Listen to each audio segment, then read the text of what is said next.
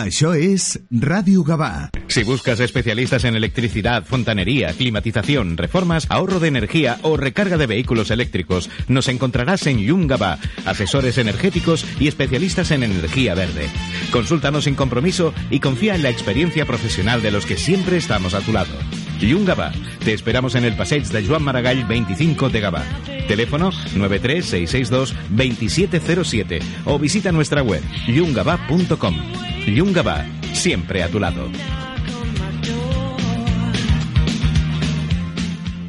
A Instituts Odontològics, la tardor arriba amb un 20% de descompte en odontologia general per a tothom. Vine amb els teus i entra en el sorteig d'un viatge màgic per a dos adults i dos infants. Demana cita ja a ioa.es o trucant al 900 131 002. Instituts Odontològics, perquè quan estàs bé, somrius. A Gavà ens pots trobar a la Rambla de Maria Casas 78. Això és Ràdio Gavà.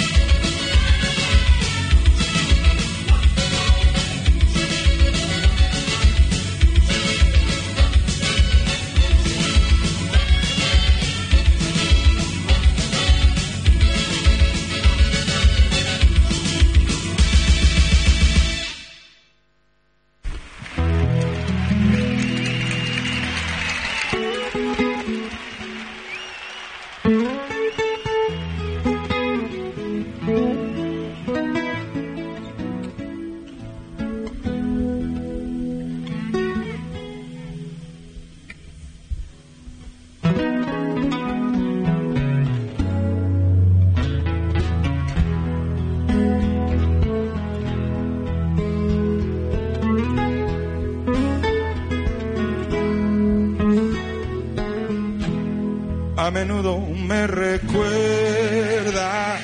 a alguien. Tu sonrisa la imagino sin miedo.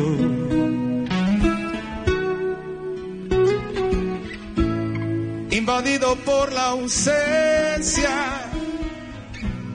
me devora la impaciencia pregunta si algún día te veré.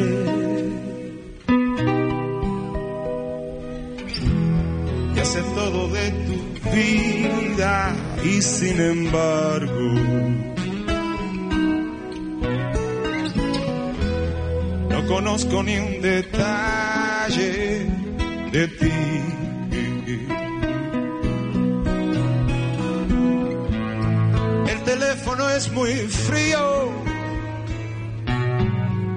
llamadas son muy pocas. Yo sí quiero conocerte y tú no a mí. Por favor, dame una cita. Vamos al parque. Entra en mi vida sin anunciarte. Abre las puertas, cierra los ojos. Vamos a vernos poquito a poco. Dame tus manos, siente las mías, como dos ciegos. Santa Lucía, Santa Lucía, oh Santa Lucía. eh. A menudo me recuerdas Eh.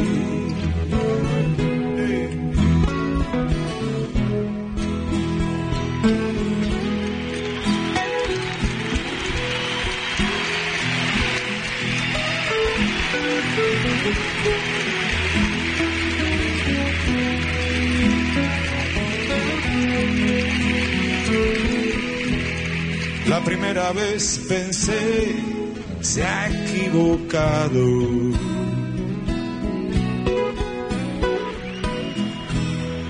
Segunda vez no supe qué decir.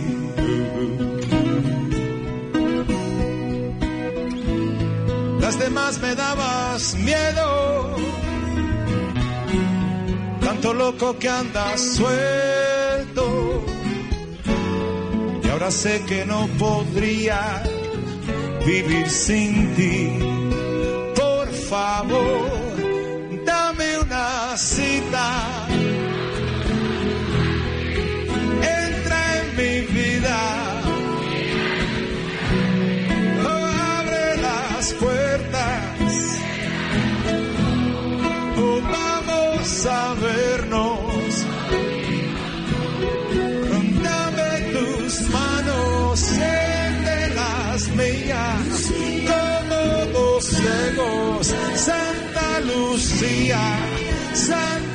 Lucía, oh Santa Lucía.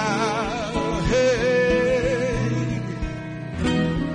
A menudo me recuerdas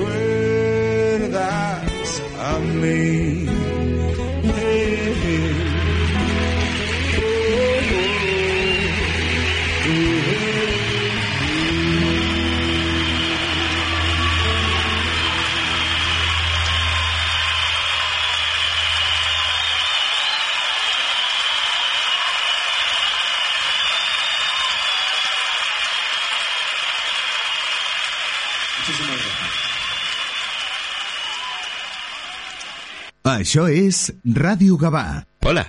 Vida Mejor, tu inmobiliaria en Gabá, tiene un plan sencillo para que vendas tu piso seguro y es que disponemos de más de 2.400 compradores para ti. Además, Vida Mejor pone a tu disposición un magnífico equipo de expertos inmobiliarios y coordinadoras que te acompañarán hasta el mismo día de la notaría. Te esperan en Paseo Maragall número 20. Vida Mejor, la inmobiliaria con suerte en Gabá. Estàs pensant en posar plaques solars a casa teva? Doncs passa't a l'energia solar de manera fàcil i segura amb la teulada, experts en energia solar i el nou espai d'assessorament per a la ciutadania i les empreses. Informa't a la teulada arroba amb.cat o contacta'ns per WhatsApp al 645 725 465. La teulada és un servei de l'AMB finançat amb el Fons Europeu de Desenvolupament Regional. AMB, Metròpolis de Barcelona. Això és Ràdio Gavà.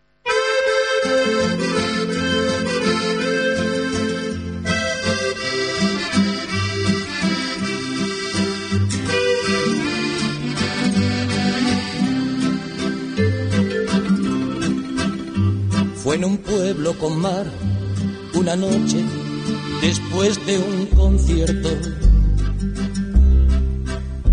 tú reinabas detrás de la barra del único bar que vimos abierto. Cántame una canción al oído y te pongo un cubata con una condición que me dejes abierto el balcón de tus ojos de gata. Loco por conocer los secretos de tu dormitorio. Esa noche canté al piano del amanecer todo mi repertorio. Los clientes del bar, uno a uno, se fueron marchando. Tú saliste a cerrar, yo me dije, cuidado chaval, te estás enamorando. Luego todo pasó, de repente, tu dedo en mi espalda dibujó un corazón y mi mano le correspondió debajo de tu falda. Caminito al hostal nos besamos y en cada farola era un pueblo con mar. Yo quería dormir contigo y tú no querías dormir sola. Y nos dieron las diez y las once, las doce y la una y las dos y las tres. Desnudos al anochecer nos encontró la luna.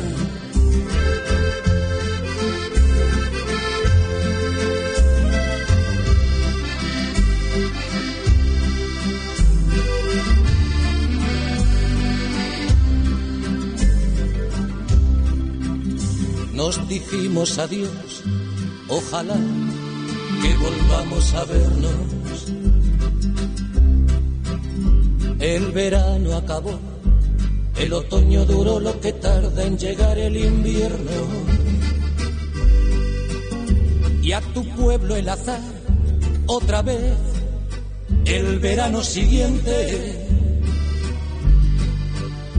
me llevó y al final del concierto me puse a buscar tu cara entre la gente. Y no hallé quien de ti me dijera ni media palabra.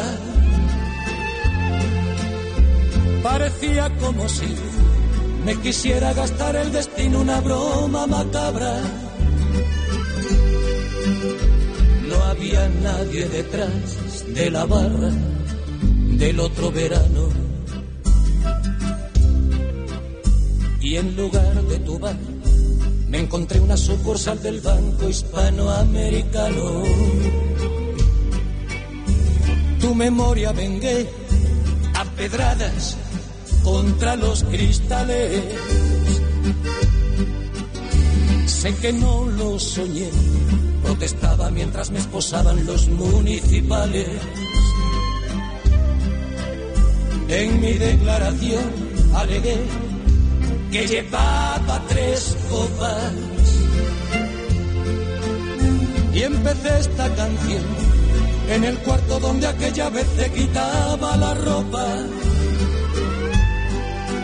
Y nos dieron las diez y las once, las doce y la una y las dos y las tres.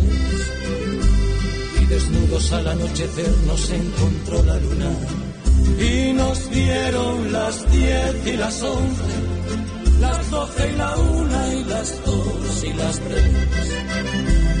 Desnudos al anochecer nos encontró la luna.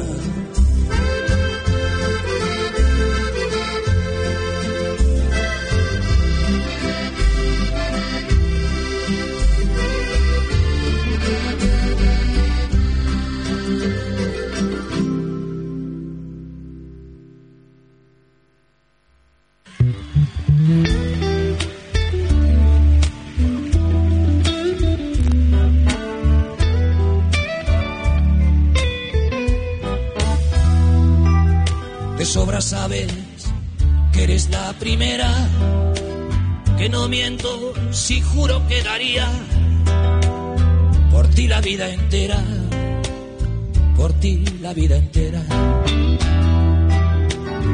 Y sin embargo, un rato cada día, ya ves, te engañaría con cualquiera, te cambiaría por cualquiera. Ni tan arrepentido ni encantado de haberme conocido, lo confieso. Tú que tanto has besado, tú que me has enseñado. Sabes mejor que yo que hasta los huesos solo calan los besos que no has dado, los labios del pecado. Porque una casa sin ti es una embajada, pasillo de un tren de madrugada, un laberinto sin luz ni vino tinto, un velo de alquitrán en la mirada y me envenenan los besos que voy dando. Y sin embargo cuando duermo sin ti contigo sueño. Y con toda si duermes a mi lado y si te vas me voy por los tejados como un gato sin dueño perdido en el pañuelo de amargura que empaña sin mancharla tu hermosura.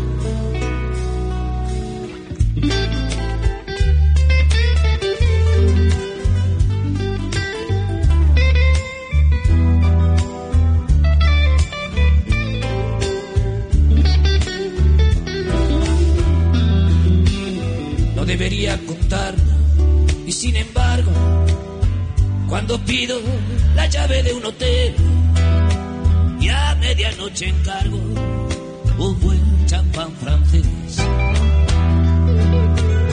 Y cena con velitas para dos, siempre es con otra, amor, nunca contigo, bien sabes lo que digo. Porque una casa sin ti es una oficina. Un teléfono ardiendo en la cabina, una palmera en el museo de cera, un éxodo de oscuras golondrinas y me envenenan los besos que voy dando. Y sin embargo cuando duermo sin ti, contigo sueño y con toda si duermes a mi lado. Y si te vas, me voy por los tejados como un gato sin dueño, perdido en el pañuelo de amargura que empaña sin mancharla tu hermosura. Vuelves hay fiesta en la cocina y bailes sin orquesta y ramos de rosas con espinas. Pero dos no es igual que uno más uno. Y el lunes al café de desayuno vuelve la guerra fría y al cielo de tu boca el purgatorio y al dormitorio el pan de cada día y me envenenan los besos que voy dando.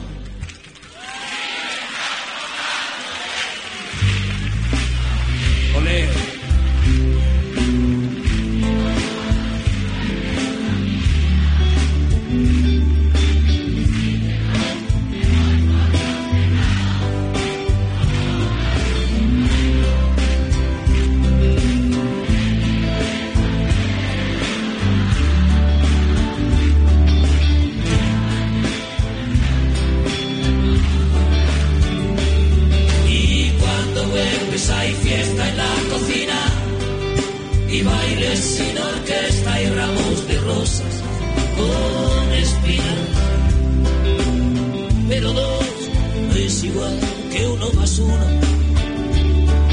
Y el lunes al café del desayuno vuelve la guerra fría y al cielo de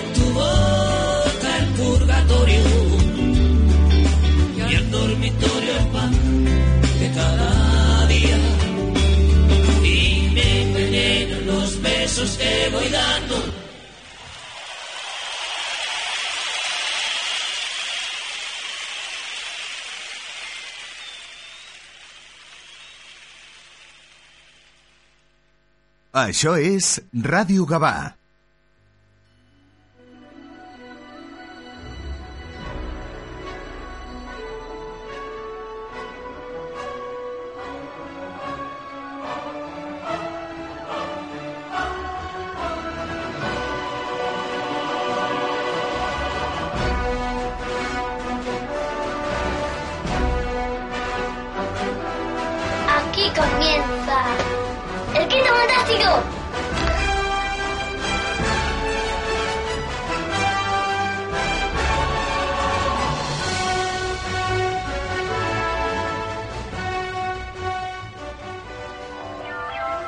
Antena 3 de la madrugada. Cada noche llega a su casa polvo de estrellas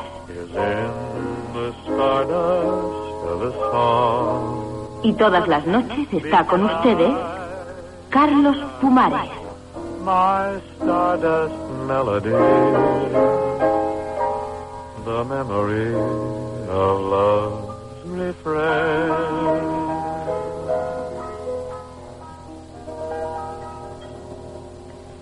Muy buenas noches y bienvenidos todos a Polvo de Estrellas de Antena 3. Aquí estamos. Nuestro teléfono es el 411-7011, el prefijo de Madrid 91. No, no, no, no os habéis equivocado. Mantener el dial, mantener esa página web, si esto nos estáis escuchando. Esto es el quinto fantástico de Radio Gabá. Simplemente que la semana de Siches, pues, nos dejó uno de los grandes, nos dejó Carlos Pumares. En mis primeros años de, trabajo, antes de, irme al servicio militar, realicé el turno de noche en la empresa que trabajaba, una empresa de, inyección de plásticos. Y como buen futbolero, pues escuchaba, no me perdía ni una de Super García en la hora cero.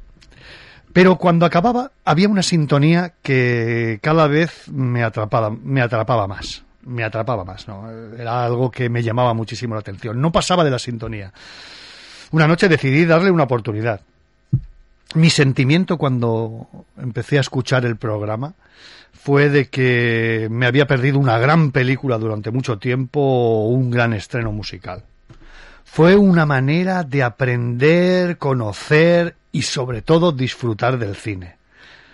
Películas como Caballeros sin espada, El halcón maltés, Qué bello es vivir, La reina de África, Veinte mil leguas de viaje submarino, El salario del miedo y sobre todo lo que más me, me, encandilaba, aquellos especiales de bandas sonoras en el que él explicaba cómo era la interpretación de los actores, la, la, la película, en fin, un auténtico disfrute a las dos de la mañana cuando empezaba. Ese cascarrabias que hacía reprimendas en directo y sin piedad hacia el oyente, pero en el fondo sentíamos una admiración hacia él increíble, porque lo hacía sin ninguna maldad, eh, y eso se le notaba. Hace tres años tuve la, la, ocasión de conocerle gracias a Fausto Fernández. En una cola me acerqué muy prudentemente, eh, se notaba la brillantez de mis ojos, la cara de admiración hacia él. Por eso creo que esbozó una sonrisa y estuvimos charlando un rato sobre aquel gran programa que era, que era Polvo de Estrellas. El Quinto Fantástico mm, creo que es intento asemejarse lo máximo posible a, a, lo que era polvo de estrella, sin ser, sin, sin parecerme yo desde luego a, Carlos Pomares. Estoy a, bueno, al abismo, no, lo siguiente. Y como os digo, es intentar parecerme, eh, mezclar música, cine y en este caso cómics, ¿no? Simplemente dar las gracias a Carlos por habernos enseñado tanto en, aquella, en, aquellas, en aquellas madrugadas. Así que sin más, Maite, Comenzamos.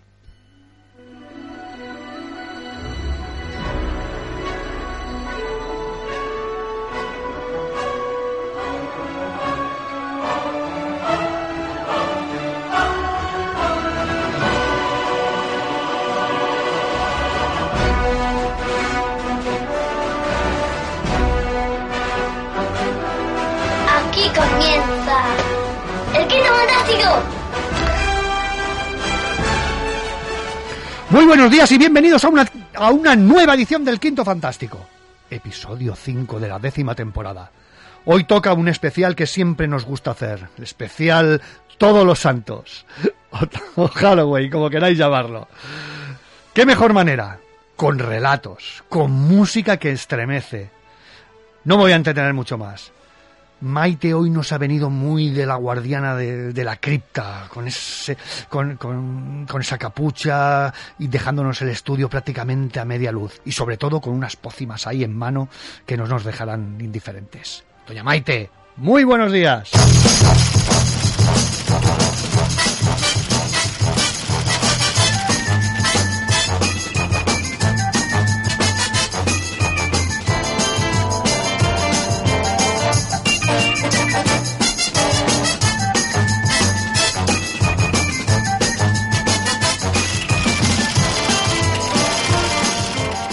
¿Cómo me gusta esta mezcla de terror, ciencia ficción, fantasía en este día, ¿no? Se mezclan muchos sentimientos y sensaciones, sensaciones especiales.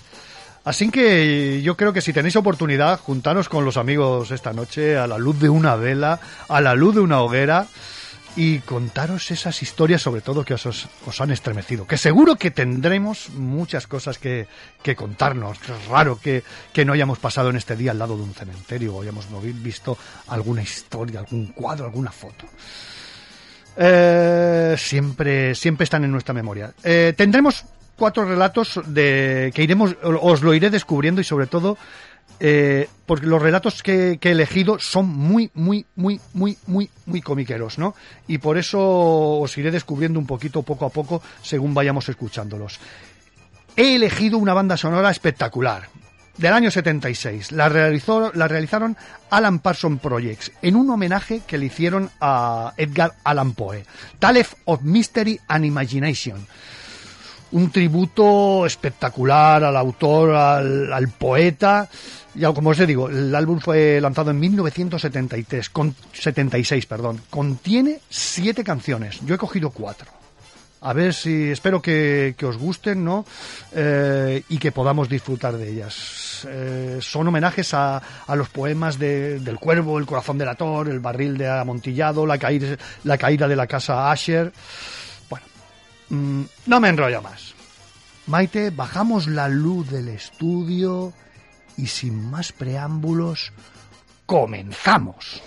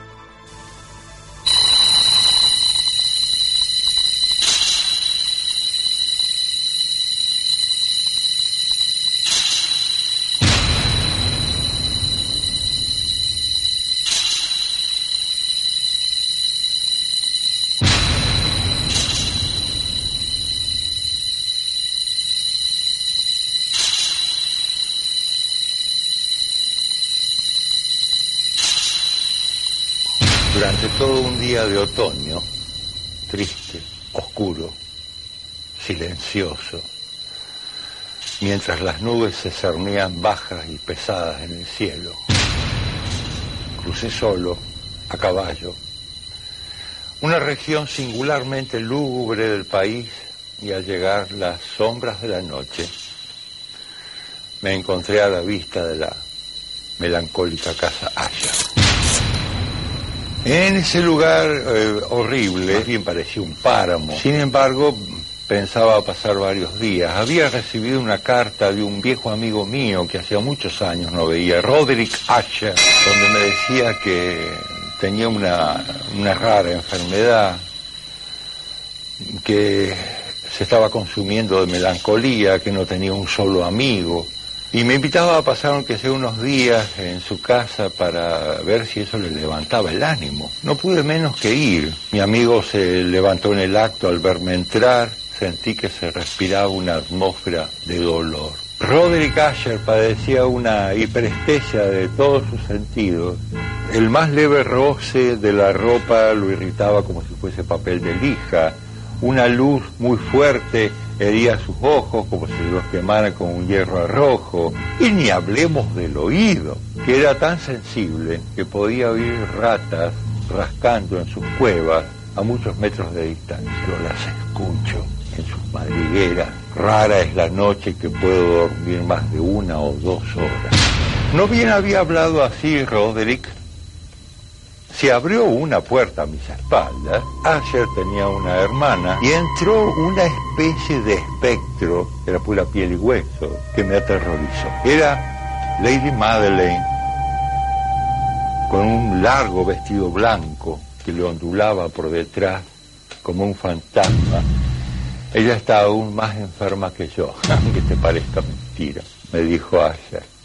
Los días que siguieron fueron absolutamente extraordinarios, porque extraordinario era el comportamiento de mi amigo. Ese hombre estaba aterrorizado. Yo le decía, ¿qué te pasa, Roderick? Nada, era pura piel y hueso, nada. Una noche, Asher, despavorido, lleno de dolor, me dijo que su hermana acababa de morir. Era una enfermedad bien extraña. Me invitó a llevarla a la cripta familiar, cerró el cajón, lo atornilló y ahí quedó en el caballete la muerta en ese sitio de horror. A la distancia me doy cuenta que la locura de Asher era contagiosa. Estábamos totalmente locos. Ya hacía ocho días que la habíamos depositado a ella en la cripta. Afuera rugía la tormenta. Yo, por alguna razón, esa noche ya estaba en mi aposento. No podía dormir. Cerró el cajón, lo atornilló. Lo primero que vi fue su brazo con una lámpara extendido y luego el rostro de Asher como un fantasma que estaba en pleno ataque de histeria. Y me dijo, estábamos totalmente locos. ¿No lo has oído? ¿No lo has visto? ¿Qué, Roderick? ¿Qué tengo que ver y escuchar?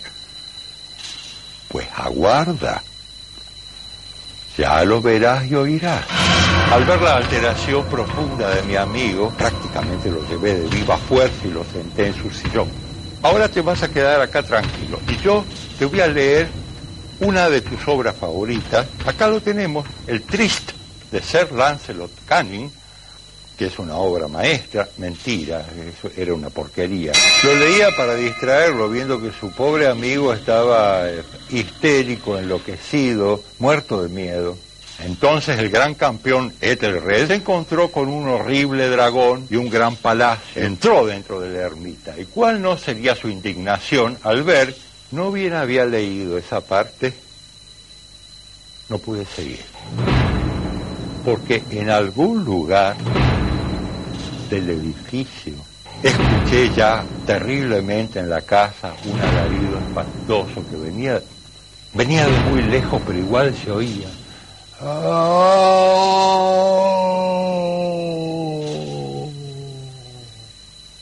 Ahora por fin comprenderás de qué te hablaba. Me dijo Asher, cerró el cajón, lo atornilló.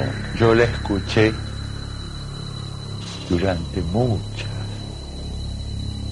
muchas horas y días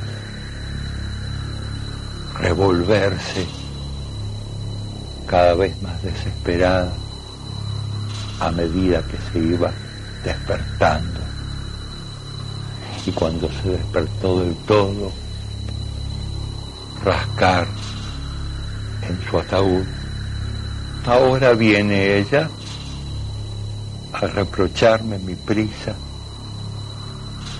¿Por qué no esperé antes de sepultarlo? Te estoy diciendo, pedazo de insensato, que ha subido las escaleras y que ahora está ahí detrás de la puerta. ¿No lo has oído? No bien, Asher dijo esas palabras. ¿No lo has visto? El mismo viento abrió las puertas de dos hojas y ahí detrás, como un fantasma, estaba Lady Madeleine Asher, cubierta con su sudario blanco manchado de sangre. Era pura piel y hueso, agotada.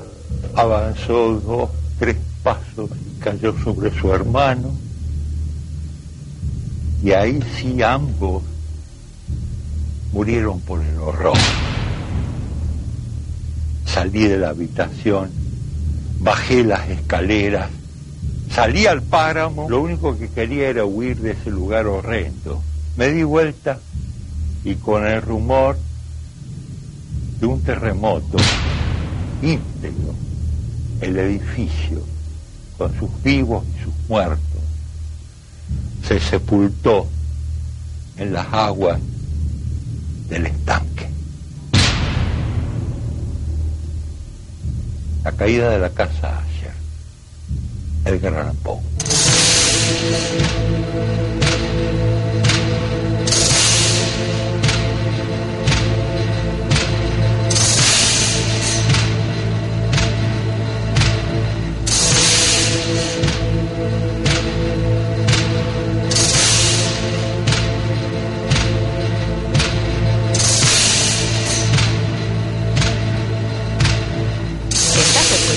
El Quinto Fantástico, un programa de cómics y más de Alberto Jiménez. Hay que decir que Alberto Laiseca, argentino, mm, lo conocí hace, hará dos o tres años cuando re- realizamos el, el especial, bueno, lo conocí. Supe de, de sus obras, de sus narraciones, que por cierto están en YouTube, las podéis encontrar, son espectaculares. Son, son algo que, bueno, esa voz, esa, bueno, desde el extraño del señor, del el, extraño caso del señor Valdemar, el corazón del ator, cuentos de terror de Poe, como el que hemos escuchado, la caída, la caída de la casa Asher.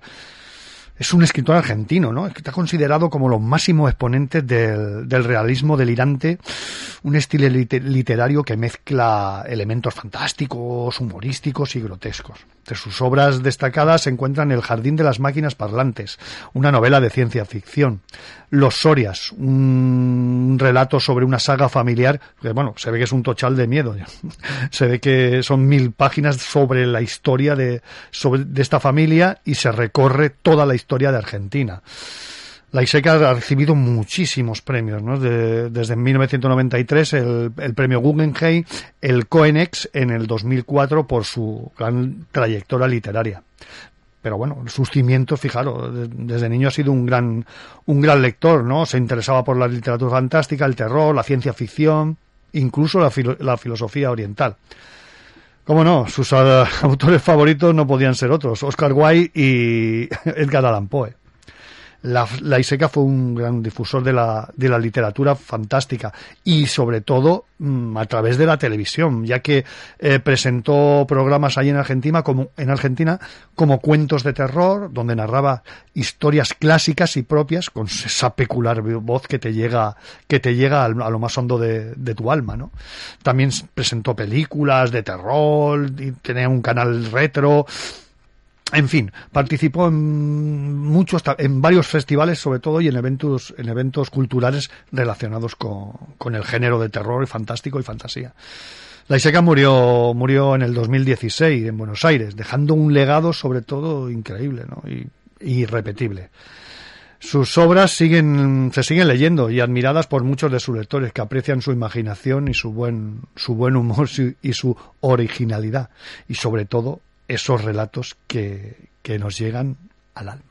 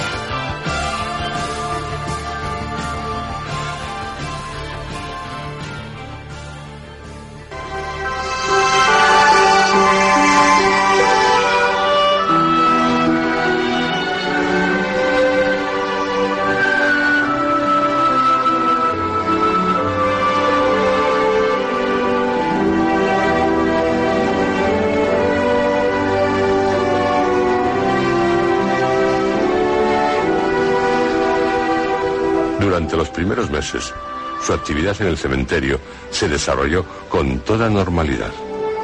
La hora en que sustituía a los otros funcionarios era muy regular. Terminaba su trabajo a las 7 de la mañana, hora en que entraban otros compañeros y se realizaba el correspondiente cambio de llaves. Muchas noches, alrededor de las 9 y 25 o 9 y media, oía los repetidos y lejanos ladridos de un perro, aunque, naturalmente, esos ladridos venían de fuera del recinto. Hasta que, una noche, pasada las 12, oyó, o le pareció oír, un extraño ruido, aproximadamente a pocos metros. ¿Qué ha podido haber sido? No es normal, ni mucho menos un supuesto desprendimiento parcial de algún nicho. Aquí los materiales con que trabajan los marmoristas son de buena calidad. Tampoco creo que haya sido la rotura de alguna lápida de las que están a ras de tierra. ¿Qué les ha podido caer? Nada.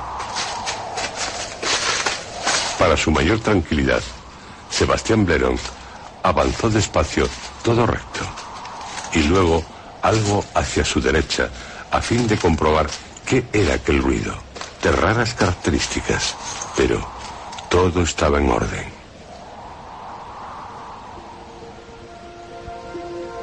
Finalizado su horario laboral, salió del cementerio para dirigirse a descansar a su domicilio.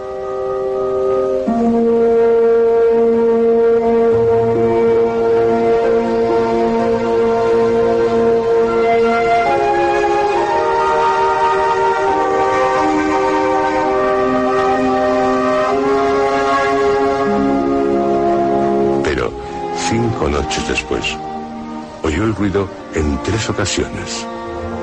Entonces comenzó a inquietarse. Miró con atención y no vio absolutamente nada que le produjese alarma. Hasta comprobó despacio el estado de nichos y lápidas, pero todas estaban intactas y sin el más mínimo desperfecto.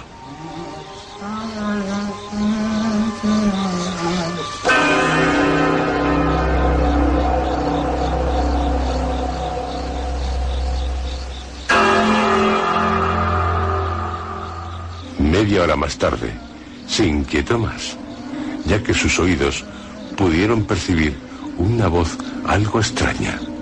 Primero le pareció un canturreo de algún pájaro. No precisamente. Canturreo no. Parece una voz. Y viene de las lápidas del cuadro 1. Pero, ¿qué puede ser? Haré uso de mis atribuciones municipales. ¡Alto! ¿Quién va?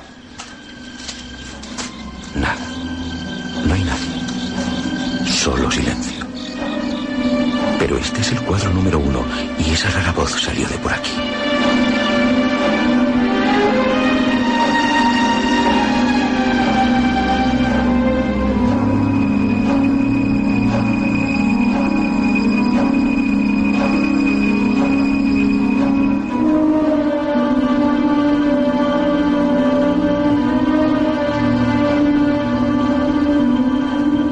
Algunas horas después, ya estaba en su hogar.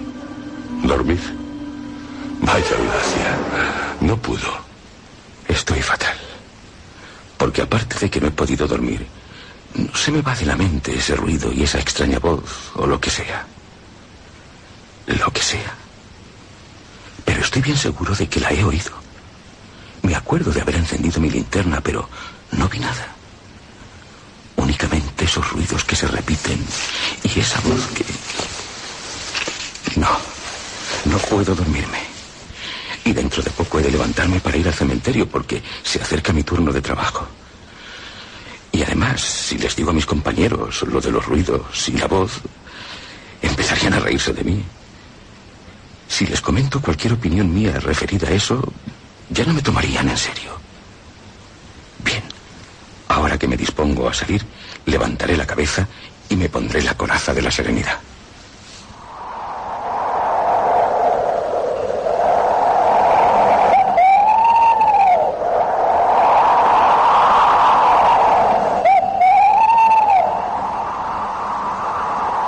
Todo transcurrió con normalidad en el Camposanto hasta la siguiente noche. Bleron reflexionaba. Sé muy bien distinguir entre el canto de un pájaro y el canto de un ser humano. Ni que fuera tonto. Así que lo que oí, Ahora estoy aquí. otra vez esa voz. Estoy bien. Muy bien. De los confines. No me cabe duda. Es la voz de una persona. Recorreré todo este cuadro. Y el de al lado. Daré con ella. Nadie aquí. Y aquí tampoco. Maldita sea, no veo a nadie. ¿Será esa voz producto de mi imaginación? En un lugar como este, tal vez... No, pero no.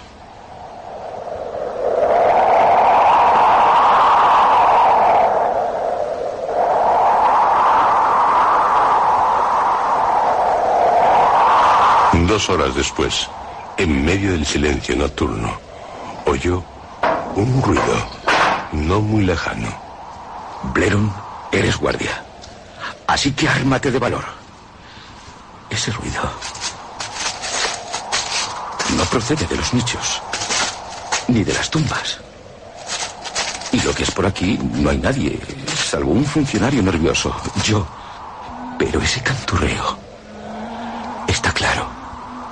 es una persona quien canta. ¿Yo mismo? Oh, no, aunque diría que siendo niño, escuché eso mismo. Habrá vuelto a mi mente. Y mi mente estará siendo afectada por un lugar como este. Los cementerios son tan tétricos. ¿Y si voy a un centro de salud mental?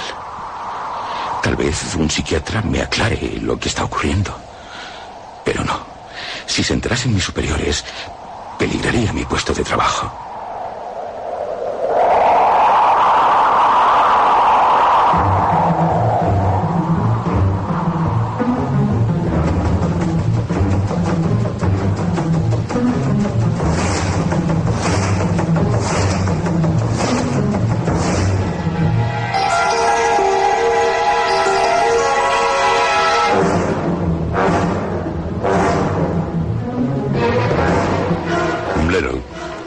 Varias noches, a las dos en punto, oiría. Pero, por mucho que buscaba, a nadie encontraba.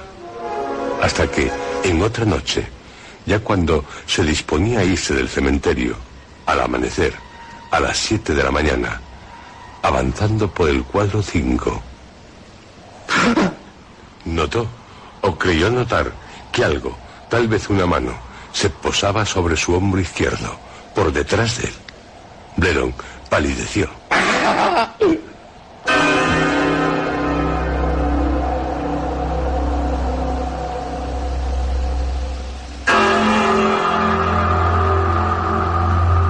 Dejó precipitadamente atrás el cementerio y, ya en su casa, angustiado, al mirarse en un espejo, comprobó que su rostro estaba totalmente descompuesto. Su expresión era la expresión del miedo y al mismo tiempo de suma tristeza. Pero debo tener valor. Mucho valor.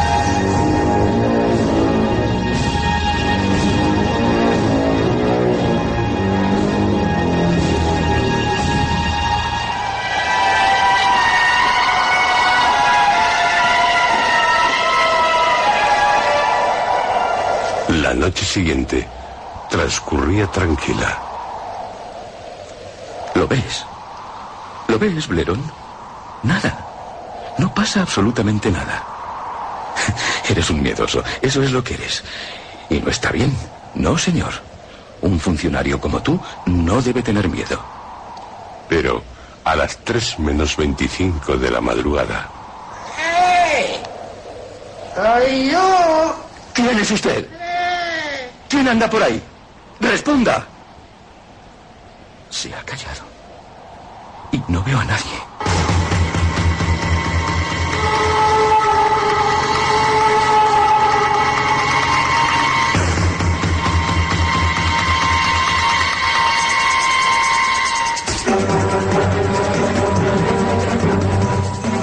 Bledon decidió requerir que otro guardia le acompañara para así intentar solucionar lo que para él ya era un espeluznante asunto.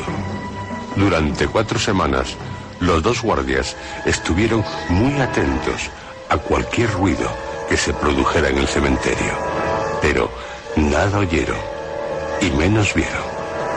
Bleron, tras cumplir con su trabajo, al estar ya en su casa, en un amanecer, ¡Soy yo! ¡Esa voz! ¡Y en mi casa! Sin saber por qué motivo, se acercó a un espejo. ¡Oh, no! Su rostro, cada vez más enrojecido, era un vivo retrato del horror. Sus ojos, brillando intensamente, tenían una intensa mirada maligna, como de otra dimensión. Y a Bleron le iban saliendo dos pequeñas prominencias negras en sus sienes. ¡Sí, soy yo! ¡Soy yo! Bleron se derrumbó, rugiendo, echando espuma por su boca, muy abierta, como si se asfixiara.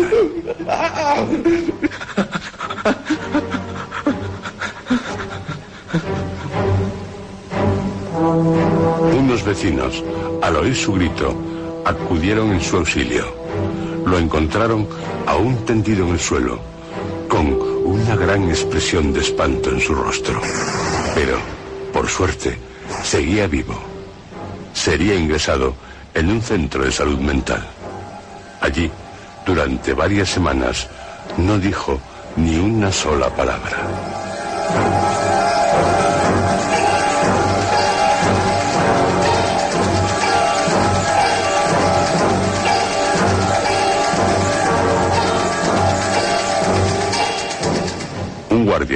En un amanecer, vio que salía del cementerio un hombre desarrapado, con aspecto de mendigo, sudoroso, apestando a alcohol.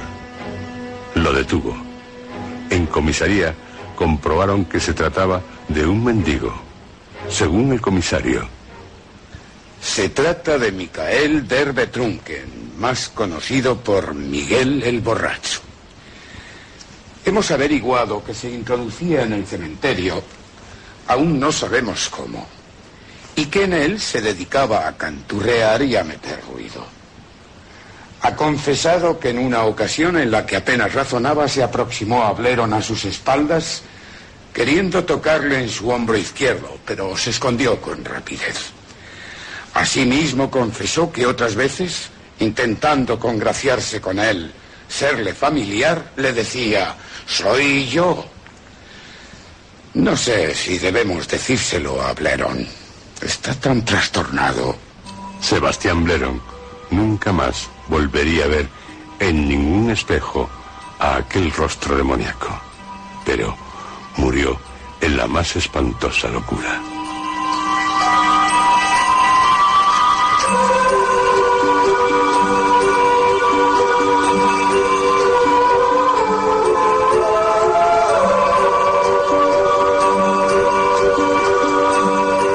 Estás escuchando El Quinto Fantástico, el programa de cómics realizado por Alberto Jiménez. No podía faltar un relato de, cementerios.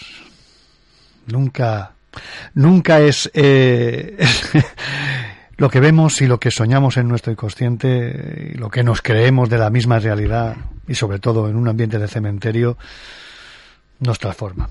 Este relato nos viene de, de, Juan Marino, un escritor y actor y locutor chileno. Eh, fijaros que lo he rescatado de, lo que sería el radioterapio, del radioteatro, perdón, de la, de la época, ¿no? Sobre todo de que se, se, retransmitieron en la década de 1940 hasta prácticamente los 80, eh, en varias emisoras chilenas. Eh, también, sobre todo, escribió, es, creó un personaje llamado Doctor Mortis, que, en el que hizo adaptaciones tanto en el cómic en la, y en la televisión. Hizo una serie.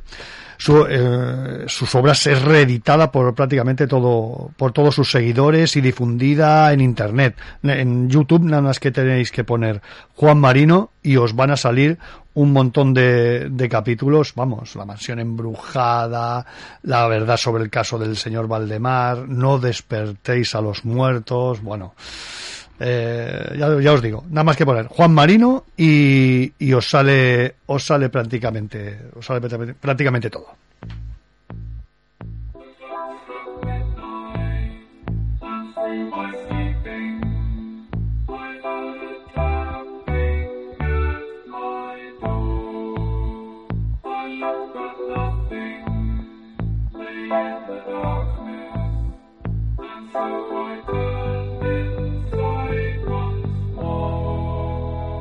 todo. Thus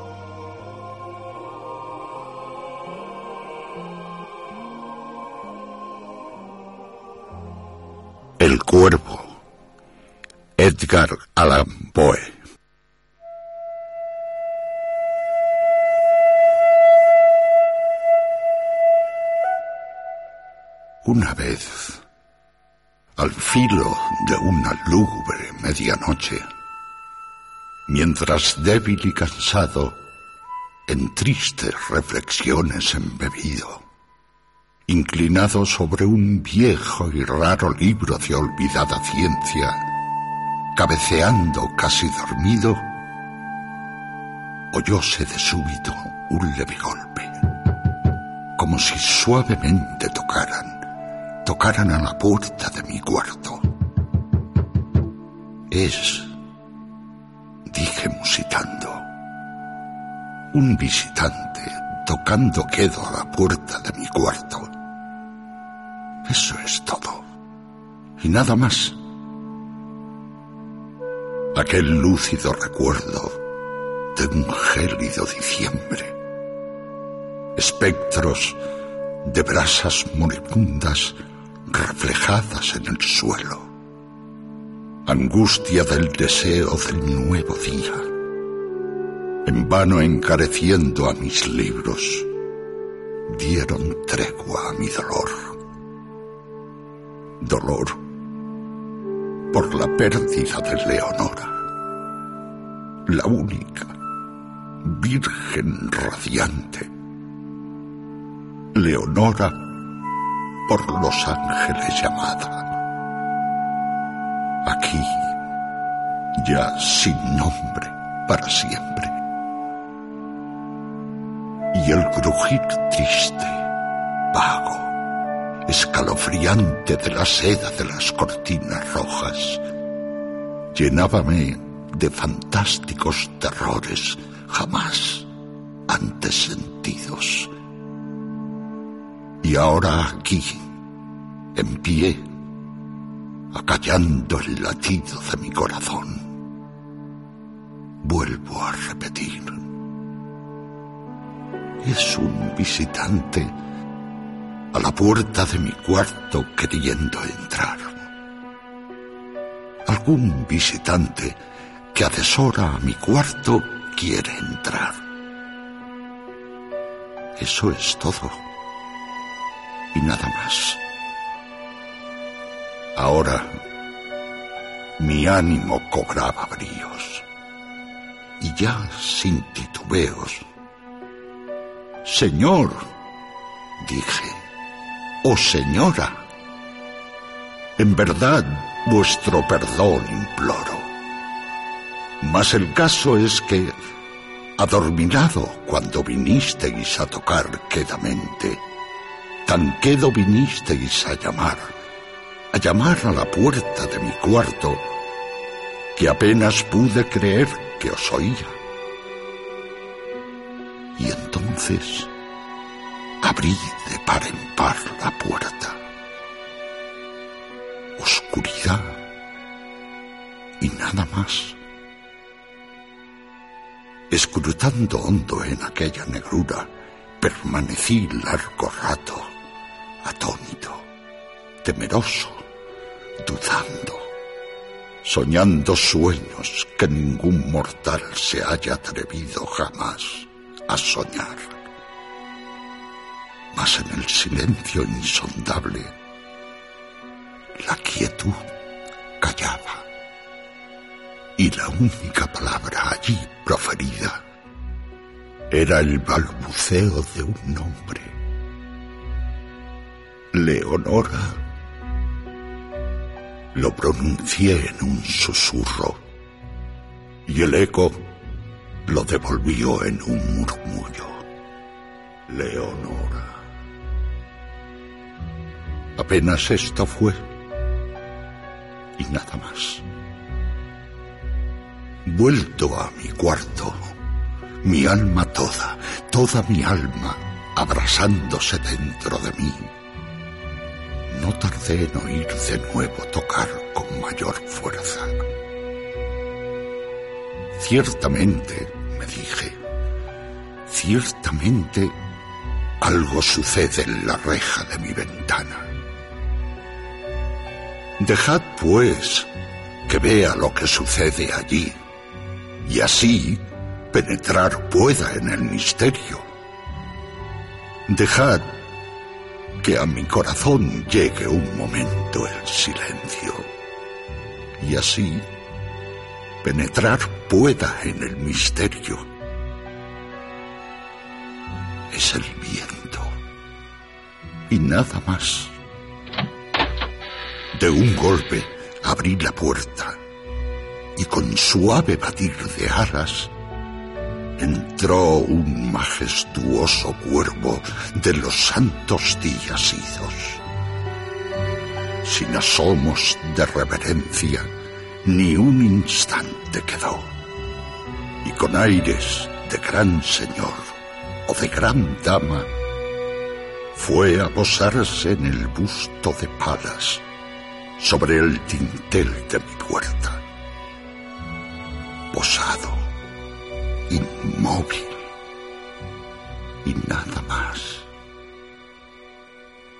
Entonces, este pájaro de ébano cambió mis tristes fantasías en una sonrisa con el grave y severo decoro del aspecto de que se revestía. Aún con tu cresta cercenada y mocha, le dije, no serás un cobarde, hórrido cuervo vetusto y amenazador, evadido de la ribera nocturna. Dime, ¿cuál es tu nombre en la ribera de la noche plutónica? Y el cuervo dijo, nunca más. Cuánto me asombró que pájaro tan desgarbado pudiera hablar tan claramente, aunque poco significaba su respuesta. Poco pertinente era, pues no podemos sino concordar en que ningún ser humano ha sido antes bendecido con la visión de un pájaro posado sobre el dintel de su puerta. Pájaro o bestia, posado en el busto esculpido de palas en el dintel de su puerta, con semejante nombre. Nunca más. Mas el cuervo, posado solitario en el sereno busto, las palabras pronunció, como virtiendo su alma solo en esas palabras. Nada más dijo entonces. No movió ni una pluma. Y entonces yo me dije, apenas murmurando, otros amigos se han ido antes. Mañana él también me dejará, como me abandonaron mis esperanzas. Y entonces dijo el pájaro, nunca más. Sobrecogido al romper el silencio tan idóneas palabras, sin duda pensé, sin duda, lo que dice es todo lo que sabe, su solo repertorio aprendido de un amo infortunado a quien desastre impío persiguió, acosó sin dar tregua, hasta que su cantinela solo tuvo un sentido, hasta que las endechas de su esperanza llevaron solo esa carga melancólica de nunca, nunca más. Mas el cuerpo arrancó todavía de mis tristes fantasías una sonrisa. Acerqué un mullido asiento frente al pájaro, el busto y la puerta, y entonces, hundiéndome en el terciopelo, empecé a enlazar una fantasía con otra, pensando en lo que este ominoso pájaro de antaño, lo que este torvo, desgarbado, hórrido, flaco y ominoso pájaro de antaño quería decir granzando. Nunca más. En esto cavilaba sentado, sin pronunciar palabra, frente al ave cuyos ojos, como tizones encendidos, quemaban hasta el fondo de mi pecho. Esto y más, sentado, adivinaba con la cabeza reclinada en el terciopelado forro del cojín, acariciado por la luz de la lámpara, en el forro de terciopelo violeta, acariciado por la luz de la lámpara que ella no oprimiría nunca más. Entonces, me pareció que el aire se tornaba más denso, perfumado por invisible incensario, mecido por serafines cuyas pisadas tintineaban en el piso alfombrado. Miserable, dije, tu Dios te ha concedido, por estos ángeles te ha otorgado una tregua, tregua de depende de tus recuerdos de Leonora. Apura, apura este dulce nepende y olvida a tu ausente Leonora. Y el cuervo dijo, nunca más. Profeta, exclamé, cosa diabólica, profeta, sí, seas pájaro o demonio, enviado por el tentador o arrojado por la tempestad a este refugio desolado e impávido, a esta desértica tierra encantada, a este hogar hechizado por el horror. Profeta, dime, en verdad te lo imploro. Ay, dime, ¿hay bálsamo en Galaad? Dime, dime, te imploro. Y el cuervo dijo, nunca más.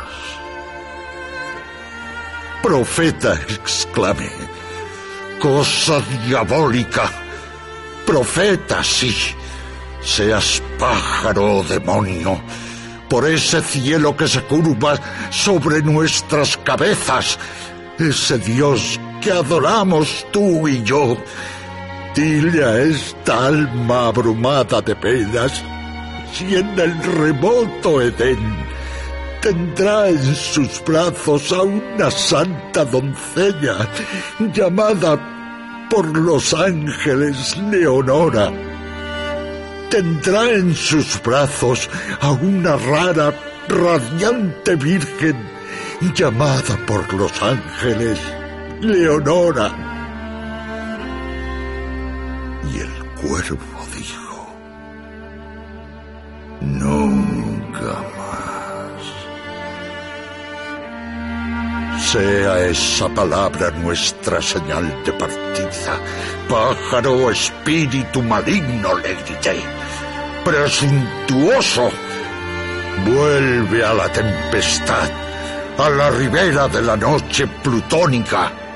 No dejes pluma negra alguna, prenda de la mentira que profirió tu espíritu. Deja mi soledad intacta. Abandona el busto del dintel de mi puerta. Aparta tu pico de mi corazón y tu figura del dintel de mi puerta. Y el cuervo dijo, nunca más. Y el cuervo nunca emprendió el vuelo. Aún sigue posado. Aún sigue posado en el pálido busto de palas, en el dintel de la puerta de mi cuarto. Y sus ojos tienen la apariencia de los de un demonio que está soñando. Y la luz de la lámpara que sobre él se derrama tiende en el suelo su sombra. Y mi alma, del fondo de esa sombra que flota sobre el suelo, no podrá liberarse nunca más. Nunca más.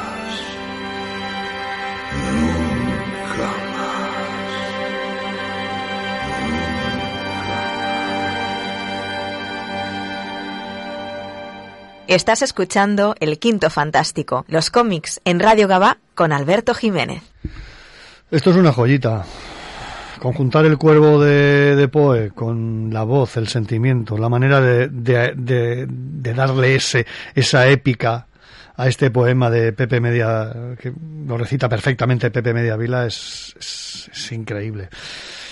Para los que no lo conozcáis, es un actor, eh, fue un actor de doblaje eh, que prestó su, prestó su, su voz a muchos personajes, ¿no? Morgan Freeman, Ian McKellen, la voz, eh, la voz de Gandalf, Jace R. Jones, la voz de Darth Vader. Tuvo, tuvo muchos papeles importantes, sobre todo su, el, el primero, fijaros, ya empezó con los 12 del- del patíbulo doblando a un personaje, a un actor icono, icono que hubiese sido nuestro Powerman, como era Jim Brown, ¿no? También fue la voz de Spock en la serie original de, Star Trek. Como os he comentado, sus trabajos más destacados, aparte de este del 12 de los patíbulos, es el del Señor de los Anillos, ¿no? Esa trilogía. Sus dos hijos también son actores de doblaje, Nuria Mediavila y José Luis Mediavilla. Eh, trágicamente nos dejó nos dejó Pepe nos dejó en el 2000 en el 2018 Eh, hablando sobre todo del tema de, del tema del relato de, del cuervo de Poe se han hecho mm, muchísimas adaptaciones tanto bueno radiofónicas como en películas. A mí siempre me ha fascinado y sobre todo a mí cuando empezó a, a, capturarme ese, ese Poe eh, fue con el tema del cine eh, con la película con la película que hizo que hizo ni más ni menos que que Roger Corman, ¿no? Fue fue una, auténtica gozada, ¿no? En 1963, bueno, yo no había nacido, la vimos más tarde, como cuando llegaban las películas aquí a, España llegaban casi 8, 9 o 10 años más tarde, bueno, y las veías en sesiones continuas, ¿no? Eh, el Cuervo de Roger Corman es una comedia, es una comedia de terror y fantasía que narra las aventuras de, tres, hechiceros rivales. Fijaros que tres hechiceros estaban interpretados, ¿no? El, primer hechicero era el doctor Erasmus, Erasmus Crane, interpretado por Vincent Price. El doctor Adolf Bedlow, interpretado por el gran Peter Lorre. Y el doctor Scarabus, interpretado por Boris Karloff. Aquí también tiene un pequeño cameo eh, que empezaba a hacer sus pinitos en el cine, ni más ni menos que Jack Nicholson, ¿no? Que interpreta al hijo de, de Bedlo, ¿no? La película se rodó en 15 días, eh, lo que nos tenía acostumbrados Roger Corman. Un día tenemos que entrar en, en el rodaje de, de los famo- de la primera película de los Cuatro Fantásticos. Un día tenemos que hacer un especial de, esta, de estas pelis seten, ochenteras, noventeras, cuando cedió Marvel sus derechos, porque, bueno, no, lo dejo ahí. Intentaremos, intentaremos hacerlo, ¿no? El Cuervo es una de las primeras mejores películas de, de Roger Corman. Para mí, ojo, después a lo mejor no. Fijaros que Edgar Allan Poe también se basa en una leyenda, en la leyenda popular, cuando escribe el poema, en- sobre todo en los cuervos, que son mensajeros del más allá y símbolos de muerte, ¿no? Así que nos vamos con el siguiente relato.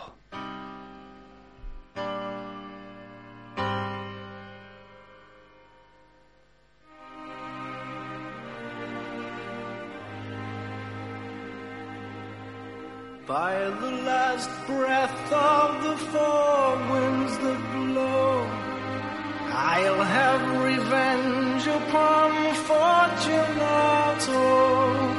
Smile in his face, I'll say, Come, let us go. I've a cask of Amontillado. Sheltered inside from the cold of the snow. Follow me now to the vault down below. Drinking the wine laugh at the time which is passing incredibly slow.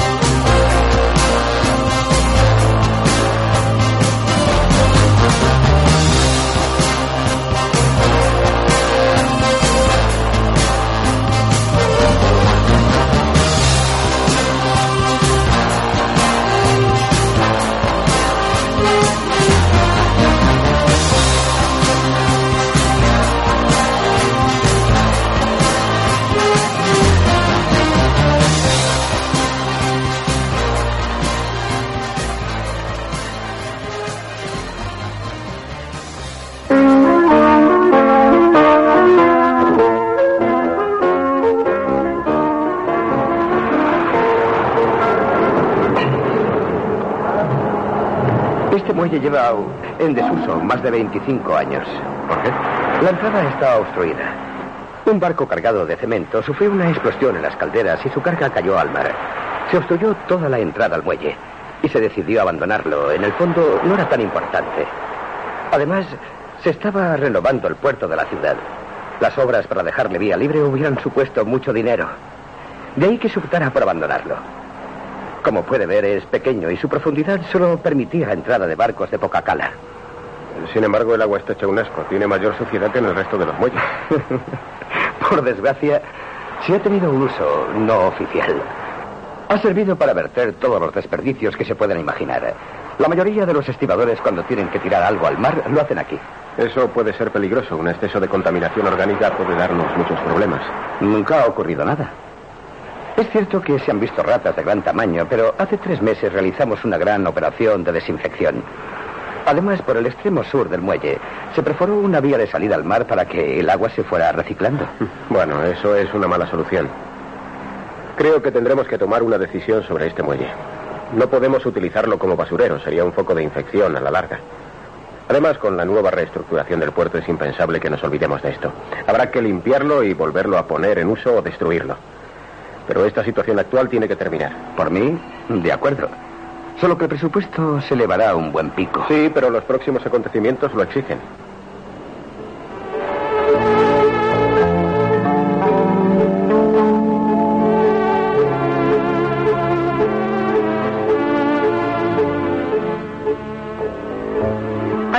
Estaba situado a la entrada de un gran puerto. Era un lugar casi olvidado por todos, pero las próximas celebraciones que se iban a efectuar en la ciudad obligaba a los responsables a tomar medidas sobre todos los puntos oscuros que sufrían la infraestructura de la misma. Pascal Sanui había sido nombrado por el ayuntamiento presidente de la comisión que realizaba las obras de reestructuración del nuevo puerto de la ciudad. Así que había sido el primero en preocuparse de aquel pequeño, sucio e inservible muelle. Además, su interés por él no era nuevo. Hacía varios años que había oído comentar a algunas personas cosas muy extrañas sobre ese muelle, cosas que hubieran erizado el cabello de cualquiera si se creyera en las charlas de gentes cargadas de supersticiones. De todos modos, ahora que su cargo se lo permitía, había querido observar por él mismo aquel punto protagonista de tantas conversaciones hechas en silencio y con cierto temor. Además, no todo era hipotético. En los 25 años que llevaba cerrado el muelle, Habían sucedido varios extraños acontecimientos, como el encontrar flotando los restos de personas y animales que, una vez efectuados los oportunos análisis, no habían dado una respuesta racional a tales hechos. También varios trabajadores del puerto habían jurado ver salir de sus aguas a un ser repugnante y hediondo, con los ojos rojos como brasas. Pero claro está, nadie había creído ni una sola palabra, ni siquiera sus propios compañeros. Pero lo que más extrañaba a Pascal era la murmuración existente sobre un grupo de personas que algunas noches de total oscuridad, cuando en el cielo no brillaba la luna, se acercaban a aquel muelle que carecía de alumbrado y realizaban una muy extraña ceremonia. Algunos observadores, poco creíbles, insistían en que aquellos tipos entonaban curiosas melodías en un lenguaje incomprensible y que rendían pleitesía a un ser invisible que habitaba en aquellas sucias y corruptas aguas.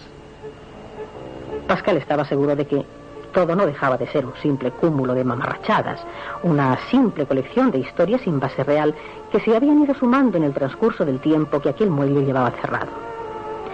Sabía que algo que queda en desuso da lugar a que despierte la imaginación de las gentes incultas y cargadas de alcohol.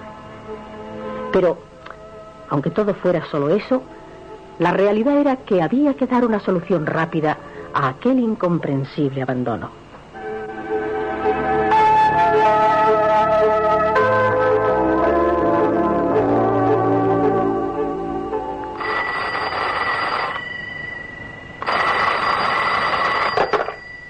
Dígame. Pascal, ¿Sí? soy Joan. Te llamo desde mi despacho, en el laboratorio municipal. ¿Has analizado las muestras de agua y fondo que te llevé? Sí. Sobre eso quiero hablarte. Te escucho. Dime todo lo que hayas podido averiguar. No. Por teléfono no te podrías dar cuenta del problema. ¿Qué problema? Pascal, quiero que vengas ahora al laboratorio. Es importante que lo hagas. Creo que debes tomar soluciones rápidas. No entiendo tu forma de comportarte. Tanto misterio me parece una tontería. Bueno, está bien. Ahora mismo intentaré ir para allá. No tardes. Y por favor, no hables con nadie. ¿Pero qué demonios te pasa, Joan? Luego te lo explicaré. Ahora ven rápido, por favor.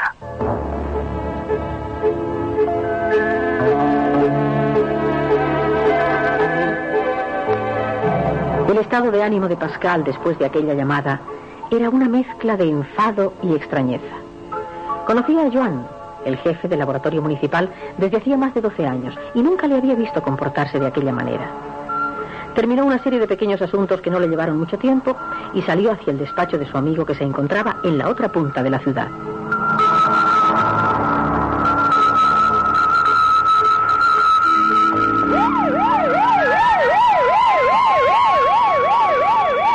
No se puede pasar, señor. Soy Pascal Sanuy, de la Comisión del Puerto. Soy miembro del Ayuntamiento de la ciudad. Lo siento. Tengo orden del inspector que nadie pase. Bueno, ¿qué ocurre? No lo sé, señor. Creo que ha habido un asesinato, pero no sé nada más. Puede avisar a su superior, tengo que hablar con alguien. El director del laboratorio me está esperando. Ahora no puedo abandonar mi puesto, pero... Eh, espera ahí. Espera un momento. Mire, ahora sale el inspector. Inspector Martí, venga un momento, por favor. ¿Qué ocurre? Este señor quiere hablar con usted. ¿Qué desea? Soy Pascual Sanuy, del ayuntamiento, y estaba citado con el director del laboratorio, Joan Guillem. Lo lamento, señor Pascal. Siento ser portavoz de malas noticias, pero el señor Guillem ha sido asesinado en su despacho.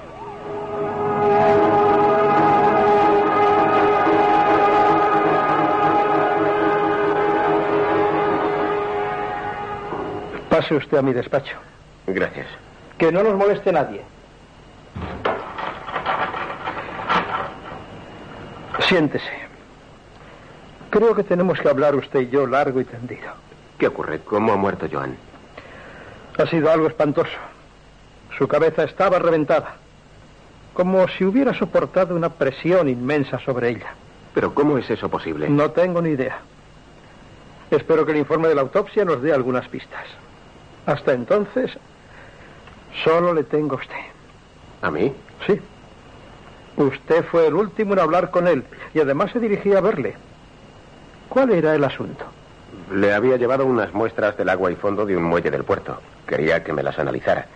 Me dirigí a verle porque me había llamado para hablar conmigo sobre ello.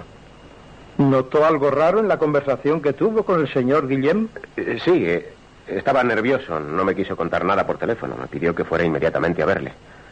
La verdad es que me pareció muy extraña su forma de comportarse. Su despacho ha sido registrado. La secretaria del señor Guillem nos ha dicho que faltan varios ficheros. Además de la circunstancia curiosa de que todo estaba lleno de limo. Había un olor fétido. ¿En el despacho de Joan? Sí. Todo estaba revuelto, lleno de papeles y... Ya le digo, era como si las manos y los pies del, o de los atacantes estuvieran llenos de la porquería de un fondo marítimo. Eso es asombroso. Eh, ¿Y no han encontrado algún informe a mi nombre? Solo las pastas de lo que debía contener su informe. Aquí están. Su nombre está escrito sobre ellas, pero no contienen nada. Entonces es posible que la muerte de Joan sea consecuencia de esta información que me tenía preparada. No lo sé, señor Sanui. Todo puede tener cabida en este curioso caso. Pero lo que está claro es que por algún lado tendremos que empezar. Y las primeras pistas nos empujan hacia usted y hacia ese muelle. ¿Cuál es? Es el que lleva el número 7. Está abandonado desde hace más de 25 años. El número 7. Aquel que está a la derecha de la entrada principal del puerto. Sí, ya sé cuál es. No es la primera vez que oigo hablar de él. Llevo poco más de un año en este puerto, pero recuerdo haber leído algo sobre ese muelle. ¿No han aparecido restos humanos y de animales flotando sobre sus aguas? Sí, eso tengo entendido. Está bien. Ahora veré qué tenemos en los ficheros sobre él. ¿Puedo marcharme ya? Estoy muy afectado por la muerte de Joan y desearía ir a ver a su familia. ¿Qué? Ah, sí, sí, puede usted marcharse. Y de veras que siento haber sido yo quien le haya dado tan trágica noticia. En fin, volveremos a vernos y, por favor, si sale de la ciudad, comuníquemelo. ¿Soy acaso sospechoso? No lo creo, pero usted es mi único hilo para encontrar el ovillo de todo esto.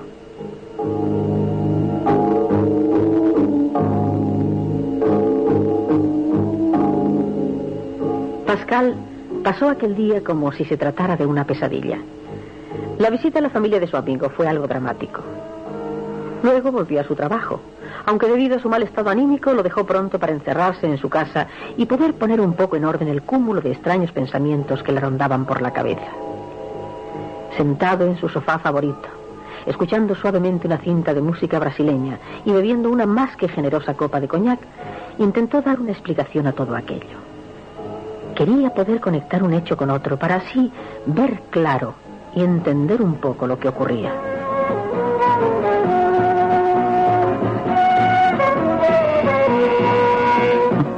¿Quién será a estas horas? Ya voy, ya voy.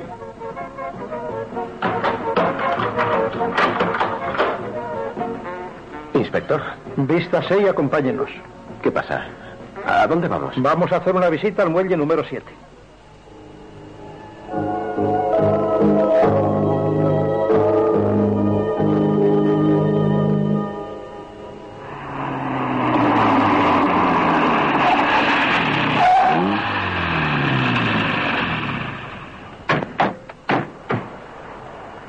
¿Por qué hemos parado aquí? El muelle aún está lejos. Algo muy extraño está ocurriendo en ese lugar. Cuando esta mañana hablé con usted no fui del todo sincero. No desconocía tanto la historia de ese muelle. Lo vigilamos desde hace más de tres meses y eso nos ha hecho saber que una extraña secta hace en él sus ceremonias. Uno de mis hombres se ha colado en ella y hemos averiguado que hoy es el gran día. El día en que su dios, un tal Dagón, saldrá de sus fétidas aguas para apoderarse del mundo. Así que uniendo hilos, creo que los adoradores de esa deidad son los culpables de la muerte de su amigo. Y he querido que sea testigo de su detención. Esto es una locura. Nunca no se lo crea, el mundo está muy loco.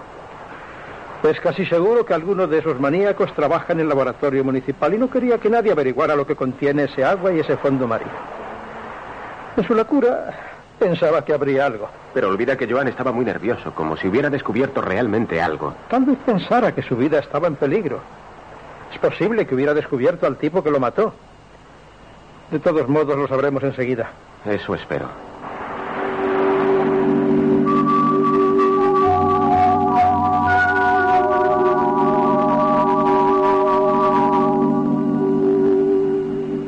Mire, Allí están.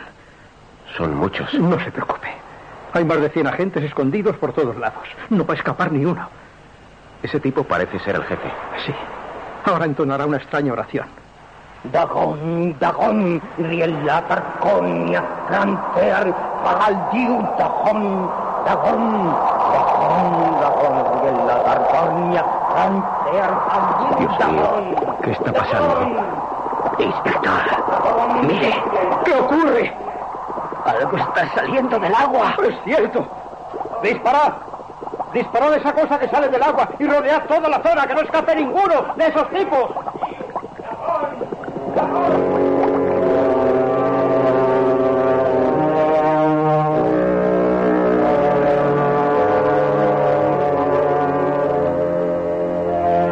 Estalló.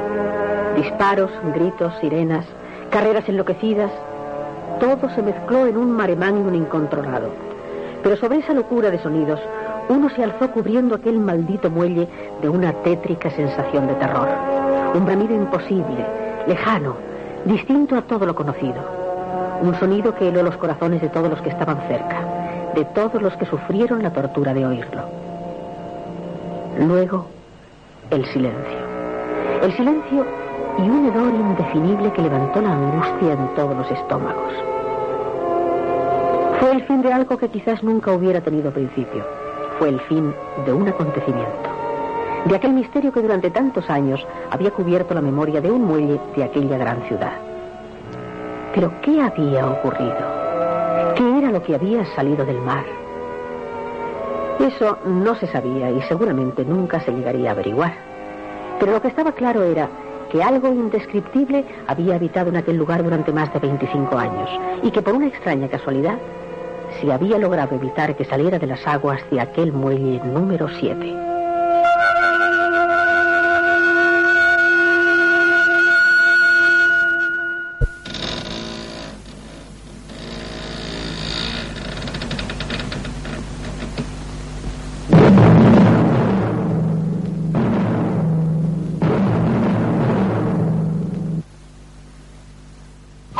Escuchando El Quinto Fantástico, un programa de cómics y más de Alberto Jiménez. El muelle número 7, otro relato, en este caso de Radio Nacional de España, dentro de un, de un marco del, del- de un programa que se llamaba Miedo. Eh, programa de terror y suspense, con historias muy, como habéis escuchado, muy dramatizadas de obras, de las obras literar- literarias, ¿no? Se emitió entre el 97 y el 2003 en Radio, en Radio 1, del, como os he comentado, de Radio Nacional de España. Eh, estaban dirigidas por, por, por el escritor y locutor Juan José Plans. Participaron actores de doblaje de, auténtico lujo, como son Roberto Cruz, Luis Alonso Carrasco, Lourdes Guerras, José Antonio Ramírez, Javier Los, Lostale, Federico Volpini, Pilar Socorro, Blanca Galán, Natalia García, Maribel Sánchez de Aro. Perdón, Maribel Sánchez de Aro. Todo, todo un auténtico, todo un auténtico, lujo, ¿no? Bueno, y bueno, pues espero que nos vamos. espero que os haya gustado estos cuatro relatos. He he intentado abarcar un poco lo que son género de terror, ¿no? Como, como el de el espeluznante caso del señor del señor Blemont, ¿no? Un terror ahí de, de, de los de, cementerios, después uno fantástico como este del muelle número 7, mm, recordar de dónde recordar de dónde venimos, ¿no? Un poquito eh, de los de esos grandes relatos de, de, de Poe, ¿no? En eh, todo muy relacionado sobre todo con, con los cómics que tenemos aquí hoy en día, ¿no? De, de los... fíjate, eh, la mesa de trabajo. Eh, te- tengo aquí la Feria de los Monstruos, tengo el arte del terror de López Espí, como no, tengo Crepis, tengo Dosier Negro, bueno, un auténtico, un auténtico lujo. Y nos vamos a despedir con alguien, bueno, con ese que tenemos que hacer un día, tenemos que hacer un día un especial, un, un especial a ese triunvirato que nos, que nos cagó de miedo, como eran Peter Cushing, Christopher Lee y Vincent Price, ¿no? Eh, yo creo que un día nos tenemos que sentar con, con algunos amigos y amigas para, para hablar de, de estos, de este triunvirato que fue, que fue magnífico en- tanto en el cine como en relatos y como vais a escuchar en música. Maite, vamos con It's ella. Friday the 13th. Friday the 13th. And it's full moon. Yeah. And to have you sitting here and not do your part on Thriller would be a sin, which you've never done on television. never done it. No, I I've know, I know, it. I know. I beg you. Well, all right, I Okay, will. all right. All right.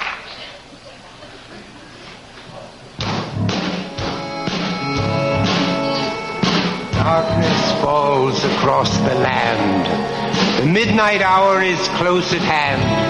Creatures crawl in search of blood to terrorize your neighborhood.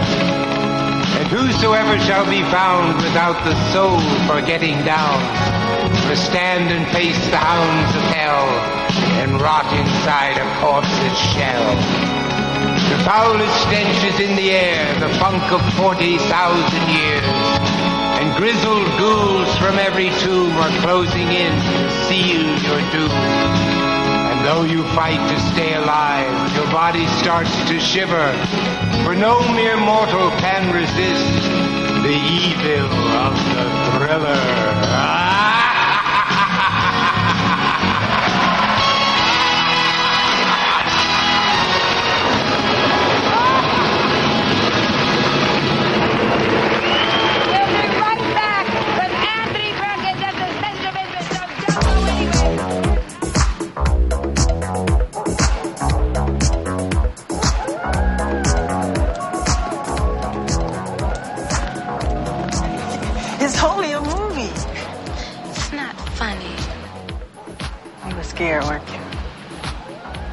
I wasn't that scared. Yeah, you were scared.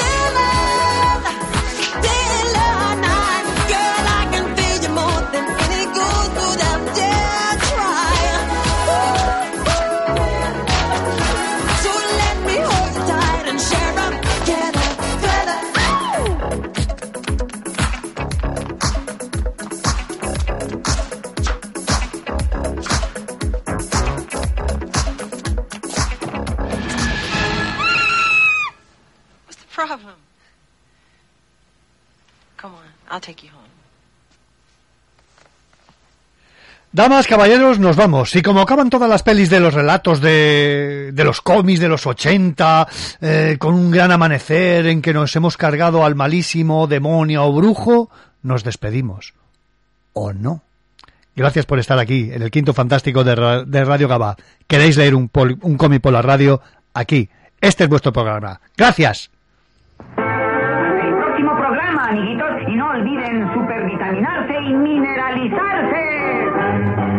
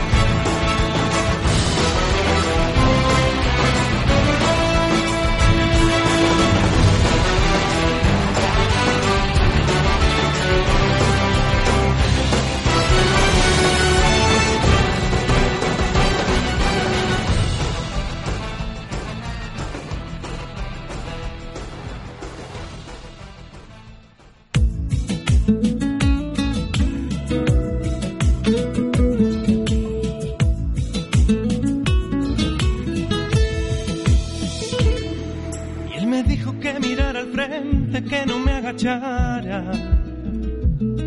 Y que mirara al frente porque yo valía más que ayer. Y sus manos tocaron mi alma y se prendió la hoguera. Pero el mundo ya cambió mi todo y yo me hice pequeña. Y cuéntale y háblale del miedo y dile que no, que nunca le olvidas quien puso la vía a ese camino que tanto dolía.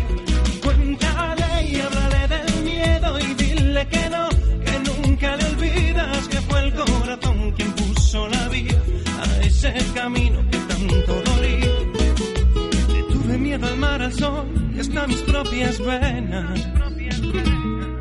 Y se nubló mi vida más y se llenó de pena. Las horas que vendrían malas él me. Y que jamás sentiría soledad, ni más dolor ni pena. Y cuéntale y háblale del miedo y dile que no, que nunca le olvidas que fue el corazón quien puso la vía a ese camino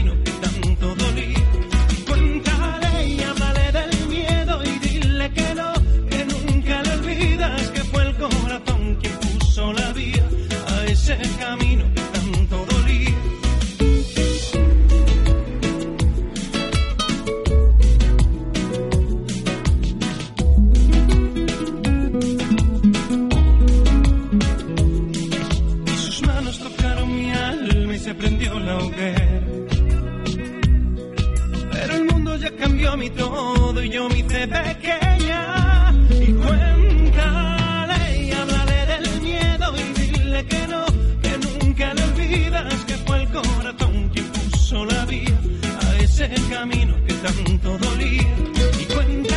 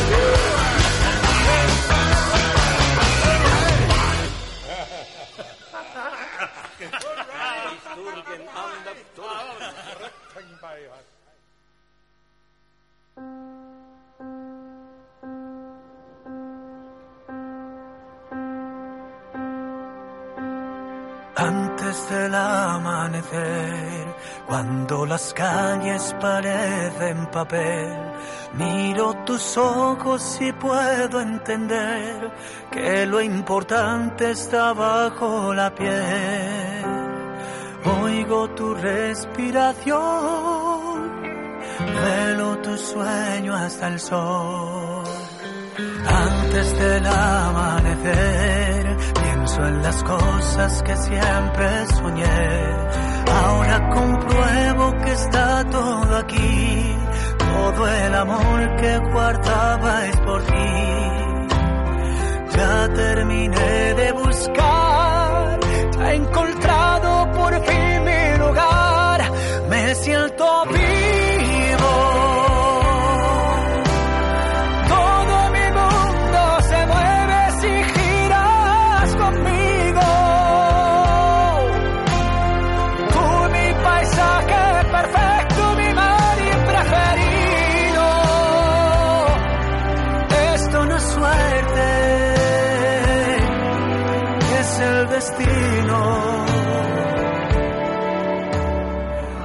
solo el punto y final de todos mis caminos.